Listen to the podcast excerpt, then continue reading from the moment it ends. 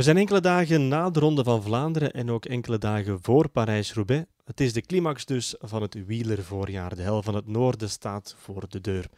Een wedstrijd die met stip aangeduid staat in de agenda van onze gast voor deze week, Jens Keukenleiren, want het is zijn droomkoers. En dus trekken wij naar Deerlijk, vlakbij de Franse grens, waar Jens op hotel zit met zijn ploeg Lotto Soudal, voor deze nieuwe aflevering van Buiten Categorie.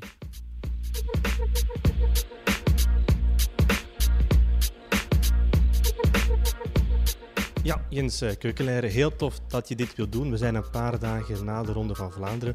Is die koers al wat verteerd? Um, ja, het zit toch nog een beetje in, in, in het lichaam. Um, ik had, uh, maandag voelde ik me op zich nog goed. Een beetje gaan losrijden in de, in de voormiddag. En de been voelde ik wel goed aan. Maar dan in de loop van de namiddag toch een klopje gehad. en gisteren was dat ook het geval. Vandaag um, een beetje langer gefietst hij voelt toch nog een beetje die vermoeidheid. Mijn hartslag was al goed, ging al terug goed de hoogte in. Uh, maar toch, ja. Het, het blijft toch een paar dagen in je lichaam zitten. Ja, het is niet onderschatten. Dus vandaag geen schelde prijs voor jou? Nee, um, ik denk met het programma dat ik nu al gehad heb, dat het verstandig was om, uh, om toch één koersje te schrappen. Um, dus uh, ja, bij deze scheldeprijzen laten we wegvallen. Hoe heb jij die Ronde van Vlaanderen beleefd? Hoe was dat voor jou? Ja, goed. Um, speciaal. Het is de eerste keer voor mij dat, uh, dat ik erbij was uh, aan de start in Antwerpen. Vroeger, uh, tot twee jaar terug, was de start altijd in Brugge, wat dat heel speciaal was voor mij, omdat ik een kilometer van de start woon. Um, en ook de herinnering van vroeger altijd naar de start te gaan kijken, naar de profrenners. Maar de laatste twee jaar ziek geweest, telkens op de dag van de Ronde van Vlaanderen. Dus um, nu was het eigenlijk de eerste keer dat ik erbij was in Antwerpen. Um, ik was heel blij om er terug bij te zijn. Uh, het is maar toch... het is toch anders? Ja, het is anders. Um, ik denk dat het grotendeels is omdat ik van Brugge ben. Je kent veel meer mensen, dus dat leeft misschien iets meer. Um, ik kan niet zeggen of dat beter of slechter is, maar het was inderdaad anders. Ja. Vond jij Bettiol ook een verrassing? Achteraf gezien eigenlijk niet. Als je ziet, um, dus het parcours dat hij nu gedaan heeft, uh, de vorige wedstrijd, um, eigenlijk niet. Ik denk dat hij vooral uh, in die prijs heel indrukwekkend was. Maar ja, dat valt zo niet op, omdat hij nog niet de geschiedenis heeft van hey, telkens dicht te zitten in de, in de voorjaarsklassiekers. Maar ik vergelijk E3 altijd met de, met de Ronde van Vlaanderen. Ik denk dat dat best vergelijkbaar is qua intensiteit. En de top 10 daar is heel vaak de top 10 in de Ronde van Vlaanderen. En daar reed hij ook weg op de, op de Kwarmand. Um, en dan ja, in de finale, vanavond maar demareerde op de Tihem, kreeg hij hem er ook niet af. Integendeel, ik vond dat hij nog heel makkelijk fietste. Um, dus achteraf gezien eigenlijk niet. Maar ja, ik denk dat er uh, niemand veel hem op voorhand ging gaan gespeeld hebben. Er was wat teleurstelling om de winnaar. Wat vind je daarvan? Ik denk dat het sterkste gewonnen heeft. Je ziet uh, de versnelling dat hij in de benen heeft uh, op de Kwarmot. Um, ja, dat, dat is al heel vaak zo gebleken dat de, de, de beste renner uh, van de dag altijd hey, wegrijdt op de Kwarmot, de laatste Kwarmot. En hij doet het en iedereen moet passen. Dus um, ik denk dat de, de sterkste renner gewonnen heeft. Ook, ik heb nadien de beelden een beetje herbekeken. Het is niet dat hij heel tijd uh, maar aan het volgen was. We hebben hem we hadden hem al een paar keer gezien op kop al een paar keer weggesprongen. Um, dus ik denk dat hij die dag wel de sterkste man was. Hoe leeft dat dan onder de renners wanneer dan zo'n onbekende naam wint? Goh, uh, Hoe wordt daar dan over gesproken? Ja, nee, ik denk, het wordt over gesproken like ons nu. Uh, is, was het verwacht, was het niet verwacht? Um, ik denk als je de beelden ziet, dat iedereen wel tot de conclusie komt dat hij dat hij verdiend gewonnen heeft. Wanneer wist jij voor jezelf, Jude zit er niet meer in? Want je zat wel mee in die kopgroep bij de favorieten. Ja, mm, misschien uh, ja, de laatste drie kilometer eigenlijk. Als we zagen dat we niet meer dichter kwamen um, op Bettiol. Uh, ik moet ik ook erbij vermelden, Mathieu van der Poel wist niet dat, uh, dat Bettiol nog voorreed. Voor mij was dat eigenlijk hetzelfde. Ik had, ik had geen radio, ik was gevallen vlak naar de muur. En mijn radio was kapot, dus mijn radio afgegeven. En ja, je passeert mij op de kwarmand, Bettiol, dus zie je hem demareren. Maar dan kruip ik uh, vijfde of zesde positie in het wiel. En het valt zo'n beetje stil, dus dacht van ja, we gaan hem teruggenomen hebben. En toen was ik maar op drie keer, ja, misschien vier kilometer van de meet, dat je in de verte kon zien. En dat ik dacht van, shit, er is dan nu een toerist op, uh, op de weg. dat is raar dat ze hem niet aan de kant zetten. En toen viel me een frank van, ah ja, het zal uh, BTO zijn die nog voorrijdt. Uh, dus ja, wel raar. Tot die moment zit je nog een beetje met geloof van, uh, die overwinning zit erin. Alhoewel dat ik moet zeggen dat op de Patersberg voor mij het gevoel kwam van, het gaat moeilijk worden om vandaag nog te winnen.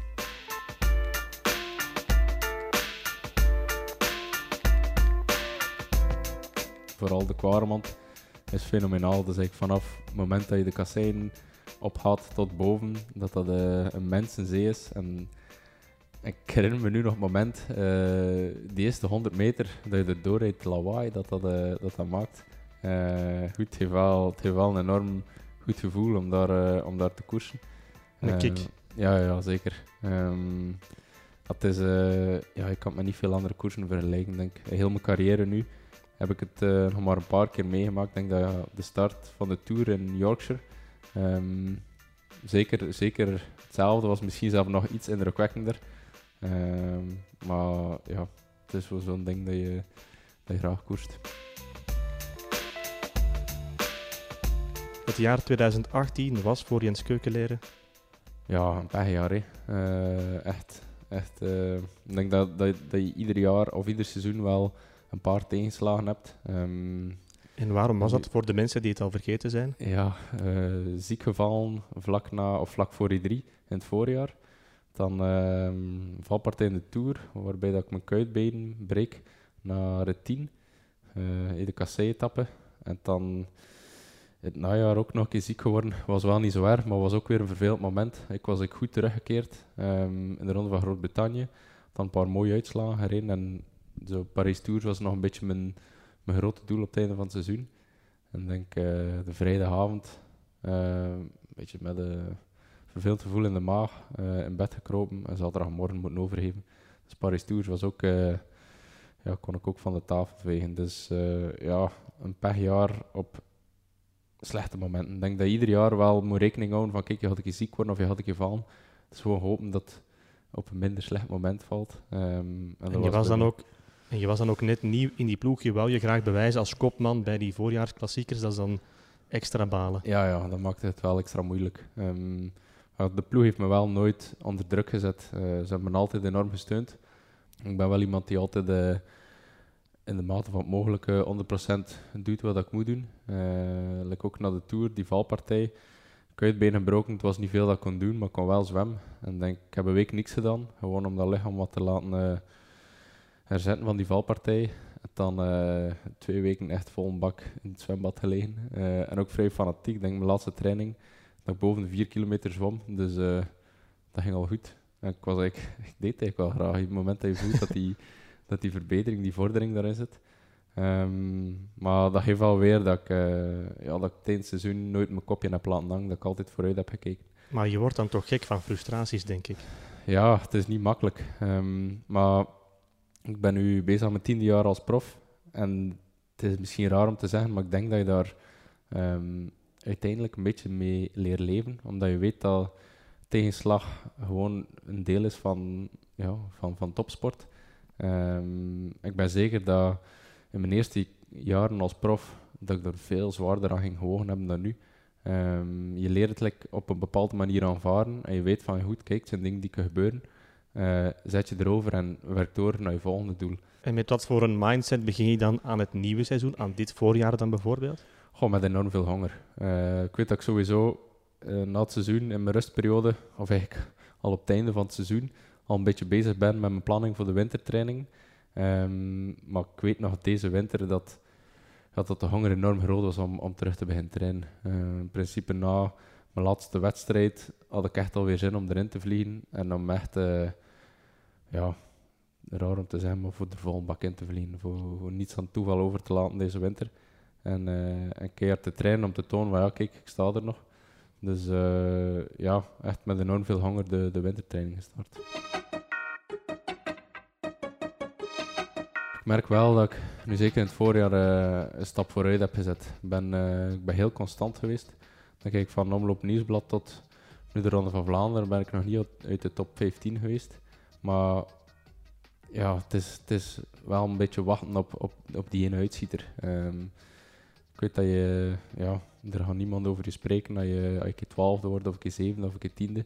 Ehm, het is uh, zeker in de monument, podium en overwinning die tellen. Dus um, over het algemeen ben ik heel tevreden van de conditie. Uh, maar, het beste ja. moet misschien nog komen. Ja, we hebben niet meer zoveel kansen. Het is uh, juist maar Roubaix niet meer. En, en goed, na, na het openingsweekend kun je zeggen, maar kijk, het gevoel was goed. We hebben nu nog een paar kansen.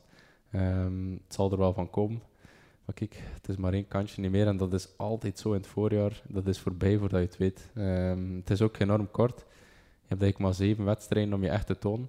En het is voorbij uh, voordat je het weet. Het kon eigenlijk al voorbij geweest zijn naar de pannen. Uh, waarin dat ik betrokken was in die valpartij in de finale. Uh, ik heb daar enorm veel geluk gehad. Dat ik enerzijds in het gras ben gevallen en dat ik niet slecht ben neergekomen. Um, maar ik weet nog dat ik daar neer zat, na die valpartij, dat ik besefte van, jong, het had al kunnen gedaan zijn. Het moet eigenlijk nog beginnen, terug vorig jaar. Dus uh, ik ben enerzijds heel blij dat ik nu de resultaten heb kunnen neerzetten, wat ik nu al gedaan heb. Maar ik weet wel, het moet beter. Um, en ik heb zeker het gevoel, nu na de Ronde van Vlaanderen, maar ik had heel het voor je dat het beter kan. Uh, moet gewoon allemaal een beetje mee zijn. Dus ja, jij zou voor jezelf wel zeggen, nu zondag, ik wil absoluut winnen, dat is mijn doel. Ja, maar dat heb ik voor heel het voorjaar. Uh, met een omloop nieuwsblad. Uh, ik, ik, heb ik gezegd van omloop nieuwsblad tot Parijs-Roubaix moet ik altijd aan de start staan met, uh, met het idee van ik kan hier die koers winnen. Uh, ik heb in iedere koers het gevoel gehad dat dat mogelijk was. Juist die drie, dan was ik mee en, en, schiet ik er op een cruciaal moment wel af. Um, maar dat kan, ja, kan misschien een beetje ja, slecht moment geweest zijn. Het was ook twee dagen na die valpartij, dus het kunnen meerdere redenen geweest zijn. Maar al de andere wedstrijden heb ik wel altijd het gevoel gehad van uh, ik ben goed genoeg om, om, uh, om, om te kunnen winnen. Dus je hebt dat gevoel ook voor nu zondag? Ja, zeker. Uh, ik denk na de Ronde van Vlaanderen nu dat ik zeker niet schrik moet hebben om, om heel diep in de finale mee te gaan. hetgeen wat ik ook een beetje meeneem uit de laatste wedstrijden, is dat ik ook geen schrik moet hebben om diep in de finale mee te gaan met het allerbeste. Ik denk uh, dat ze heel hard gaan mo moeten rijden om, uh, om eraf te rijden. Dat is het gevoel dat ik nu alleszins had, de laatste wedstrijd. Um, dus ja, vertrouwen hebben in jezelf, denk ik, gaat heel belangrijk zijn zondag. Oh yeah. Jent, wat heb jij met Parijs-Roubaix? Wat trekt je zo aan in die koers? Uh, dat is een beetje moeilijk om te zeggen, denk ik. Uh, een beetje verschillende factoren. Het was bij de beloften, als eerstejaarsbelofte, was dat mijn eerste grote koers dat ik mocht rijden. Um, ik als eerstejaarsbelofte is zo de Ronde van Vlaanderen en Parijs-Roubaix. Toch voor uh, ja, de, de ploeg en de positie waar ik in zat als, uh, als jeugdrenner. Dat waren de twee grootste koersen dat ik kon rijden. Um, vanaf eerstejaarsbelofte mocht ik die al rijden. En ik weet nog dat ik echt een gat in de lucht sprong om die koers te mogen meedoen. Um, het was niet vanaf de eerste keer een succes, maar ik wist wel dat, dat die kasseien me goed lagen. Um, ik heb ook bij de jeugd uh, nog een wedstrijd gereden op de Mans op. Die, uh, ja, dat was een wedstrijd waarin dat we Turkjes deden over de Mans op. Um, en daar ook gestart als eerstejaarsbelofte. Dat was zo'n beetje de voorbereidingswedstrijd op Roubaix, die een paar weken uh, nadien kwam dan. en ook al vanaf eerstejaarsbelofte daar goed gepresteerd. En die koers gewonnen als derdejaarsbelofte. Dus dat gaf mij ook wel het vertrouwen van... Ja, goed, dat gaat me wel goed af over de kasseien rijden. Uh, je voelt dat zelf ook wel een beetje aan, maar ja, je moet toch een keer uh, een goede prestatie neerzetten om die bevestiging te hebben. En, en waar dan, komt dat dan vandaan, die liefde voor de kassei? Begint dat dan op jonge leeftijd al? Ik heb uh, een theorie dat dat is door, dankzij de vele kasseien in Stad Brugge. Um, ik denk dat eigenlijk nog zo nozel niet is, omdat altijd naar school geweest in de stad. En dan zeg ik dagelijks dat ik uh, ja, drie, vier kasseistrookjes moest doen. Je kan ze wel niet vergelijken met Parijs-Roubaix uh, of de Ronde van Vlaanderen. Ze liggen uh, in een hele goede staat. Maar volgens mij is dat toch onrechtstreeks een, een, een heel goede school geweest om, om de kassein een beetje te kunnen lezen. En je, je voelt dat heel snel aan waar dat je moet rijden en waar dat je niet moet rijden. Ik denk iemand die nooit in zijn leven kassein gedaan heeft, hij smeet dat met Parijs-Roubaix. Die heeft totaal geen idee van, ja, moet ik op die bult rijden? Kan ik links rijden, rechts rijden? Um, en ik denk dat je dat wel een beetje leert lezen. Goed, ik ga nu niet zeggen dat dat de is, maar het zal zeker geholpen hebben. Het is wel een mooi verhaal natuurlijk. Ja. Dus, mooie theorie. Eh, en ik denk in mijn geval dat eh, dat zeker helpt. En dan niet de memorabele verhalen van op televisie, want ik kan me wel inbeelden, een museum van Petergem, dat die op jonge gasten als jou ook wel indruk hebben gemaakt. Ja, dat is waar. Maar eigenlijk meer ehm, van, van jongs af aan herinner ik me, me meer van de Ronde van Vlaanderen. Maar ik denk dat dat ook deels was door de start die in Brugge was. Hé, dat was echt, ik kan niet zeggen een dag dat we daarvan maakten, maar ik herinner me dan nog dat we naar de start gingen, de renners gaan bekijken ehm eh, op het startpodium op de markt. Dus die beleving was, like, ik herinner me het levendiger dan, eh, dan Parijs-Roubaix. Nochtans, ik heb ergens gelezen dat Parijs-Roubaix jouw favoriete koers is. Ja. Ben ik dan fout? Ja, nee, dat klopt. Moeilijk om te verklaren, maar ik denk hetgeen wat ik nu een beetje verteld heb, dat dat, dat, wel de, de reden gaat zijn. Ook, het ligt me altijd het me net iets beter. Ik heb ook al beter uitslagen gereden in Roubaix dan in de ronde. Ehm, dus het zou een heel moeilijke vraag zijn. Wat zou je liefst vinden, de ronde of Roubaix? Als Vlaming, of als, ja, als Belg, als Vlaming, is de ronde van Vlaanderen toch wel heel speciaal. Maar persoonlijk zou ik toch kiezen voor Roubaix. Ja, het heeft wel iets mythisch natuurlijk. Hè. Bos van Valers, eh, Carrefour de Larbre en dan die wielerpiste op het einde. Ja. Dat is toch iets episch. Ja, ja, ja dat, is, dat is waar. Ik denk zeker ehm, buiten België toe dat Roubaix misschien iets hoger aangeschreven staat dan de ronde. Eh, en ik denk misschien dat dat is omdat de Ronde van Vlaanderen even nog wedstrijden die een beetje hetzelfde beeld hebben. We doen dezelfde klimmetjes, dezelfde kassein. Maar er is maar één wedstrijd like Roubaix. Er is maar één dag dat we over die kassein gaan. Goed, te zeggen dat ze in de Tour een keer eh, een paar stroken doen. Maar er is geen één andere wedstrijd dat je echt kan vergelijken met Parijs-Roubaix. Wie zijn voor jou de te kloppen mannen voor dit weekend? Ik denk sowieso ook een beetje de man die erbij waren in de finale. Ik kan niet zeggen alleen in de Ronde van Vlaanderen, maar de laatste weken. Dus eh, we moeten altijd rekening houden met het blok van Quickstep. Eh, die jongens bewijzen al, al ja, zolang dat ze bestaan, dat ze, dat ze altijd aanwezig zijn in, eh, in Parijs-Roubaix. Ik denk, eh, ja, al ja, een beetje de vaste naam, nee, van Avermaat, Naasten, Van Marken. Eh, Ik denk dat die allemaal wel, wel aanwezig zullen zijn in de finale. Heb je al een plan of een strategie voor zondag?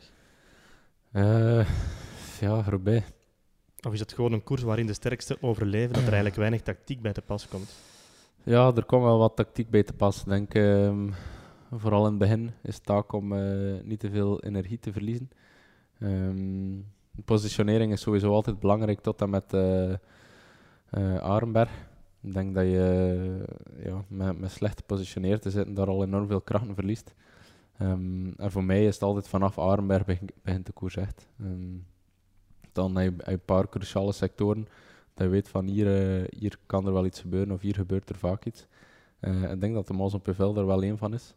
Dus het is altijd een beetje, ja, ieder jaar is anders en het is, de koers een beetje lezen.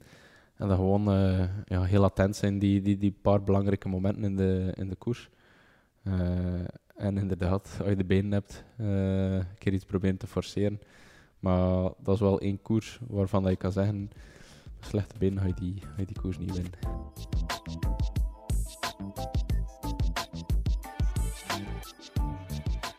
Hoeveel sterren zou je jezelf geven voor dit weekend? Hoeveel? Op drie. Op drie. Ja, toch twee sterkes. Ehm, Ik denk ja, dat je toch, eh, toch al een paar podiums moet gereden hebben. Of, of echt, eh, echt een heel mooie uitslag moet gereden hebben om, om drie sterkes eh, te krijgen.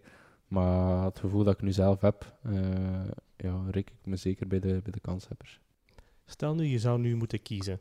Ofwel win je de komende jaren ieder jaar een rit in een grote ronde, zoals de Tour, Giro of Vuelta. Je hebt al eens in de Vuelta gewonnen. Of je wint één keer Parijs-Roubaix of de Ronde van Vlaanderen. Wat zou je dan kiezen? Ja, één keer Parijs-Roubaix. Ik denk dat dat toch eh, de wedstrijden zijn waarvoor dat ik vroeger ben beginnen koersen. Ehm, en, en ja, dat is, dat is toch een van mijn dromen, om, eh, om, om ooit één keer eh, een van die wedstrijden te kunnen winnen. Ja, Parijs-Roubaix, dat zit dan toch ergens diep bij jou.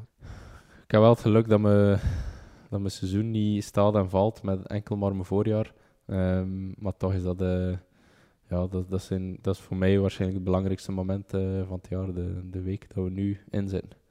Wat is er nog voor jou dit seizoen na zondag? Ehm na Roubaix, eerst en vooral een beetje rust. Het is al, eh, het is al ik ga niet zeggen een lang seizoen geweest, maar toch heb je in Argentinië gestart. en nu een heel druk programma gehad. Ehm, dus achter Roubaix een klein beetje rust. Dan ga ik de competitie terug hervatten in Duinkerke. Dan volgt er waarschijnlijk terug een hoogtestage um, naar Dauphiné toe. En dan een klein dagswedstrijden, waaronder ook Belgisch kampioenschap. En dan de Tour.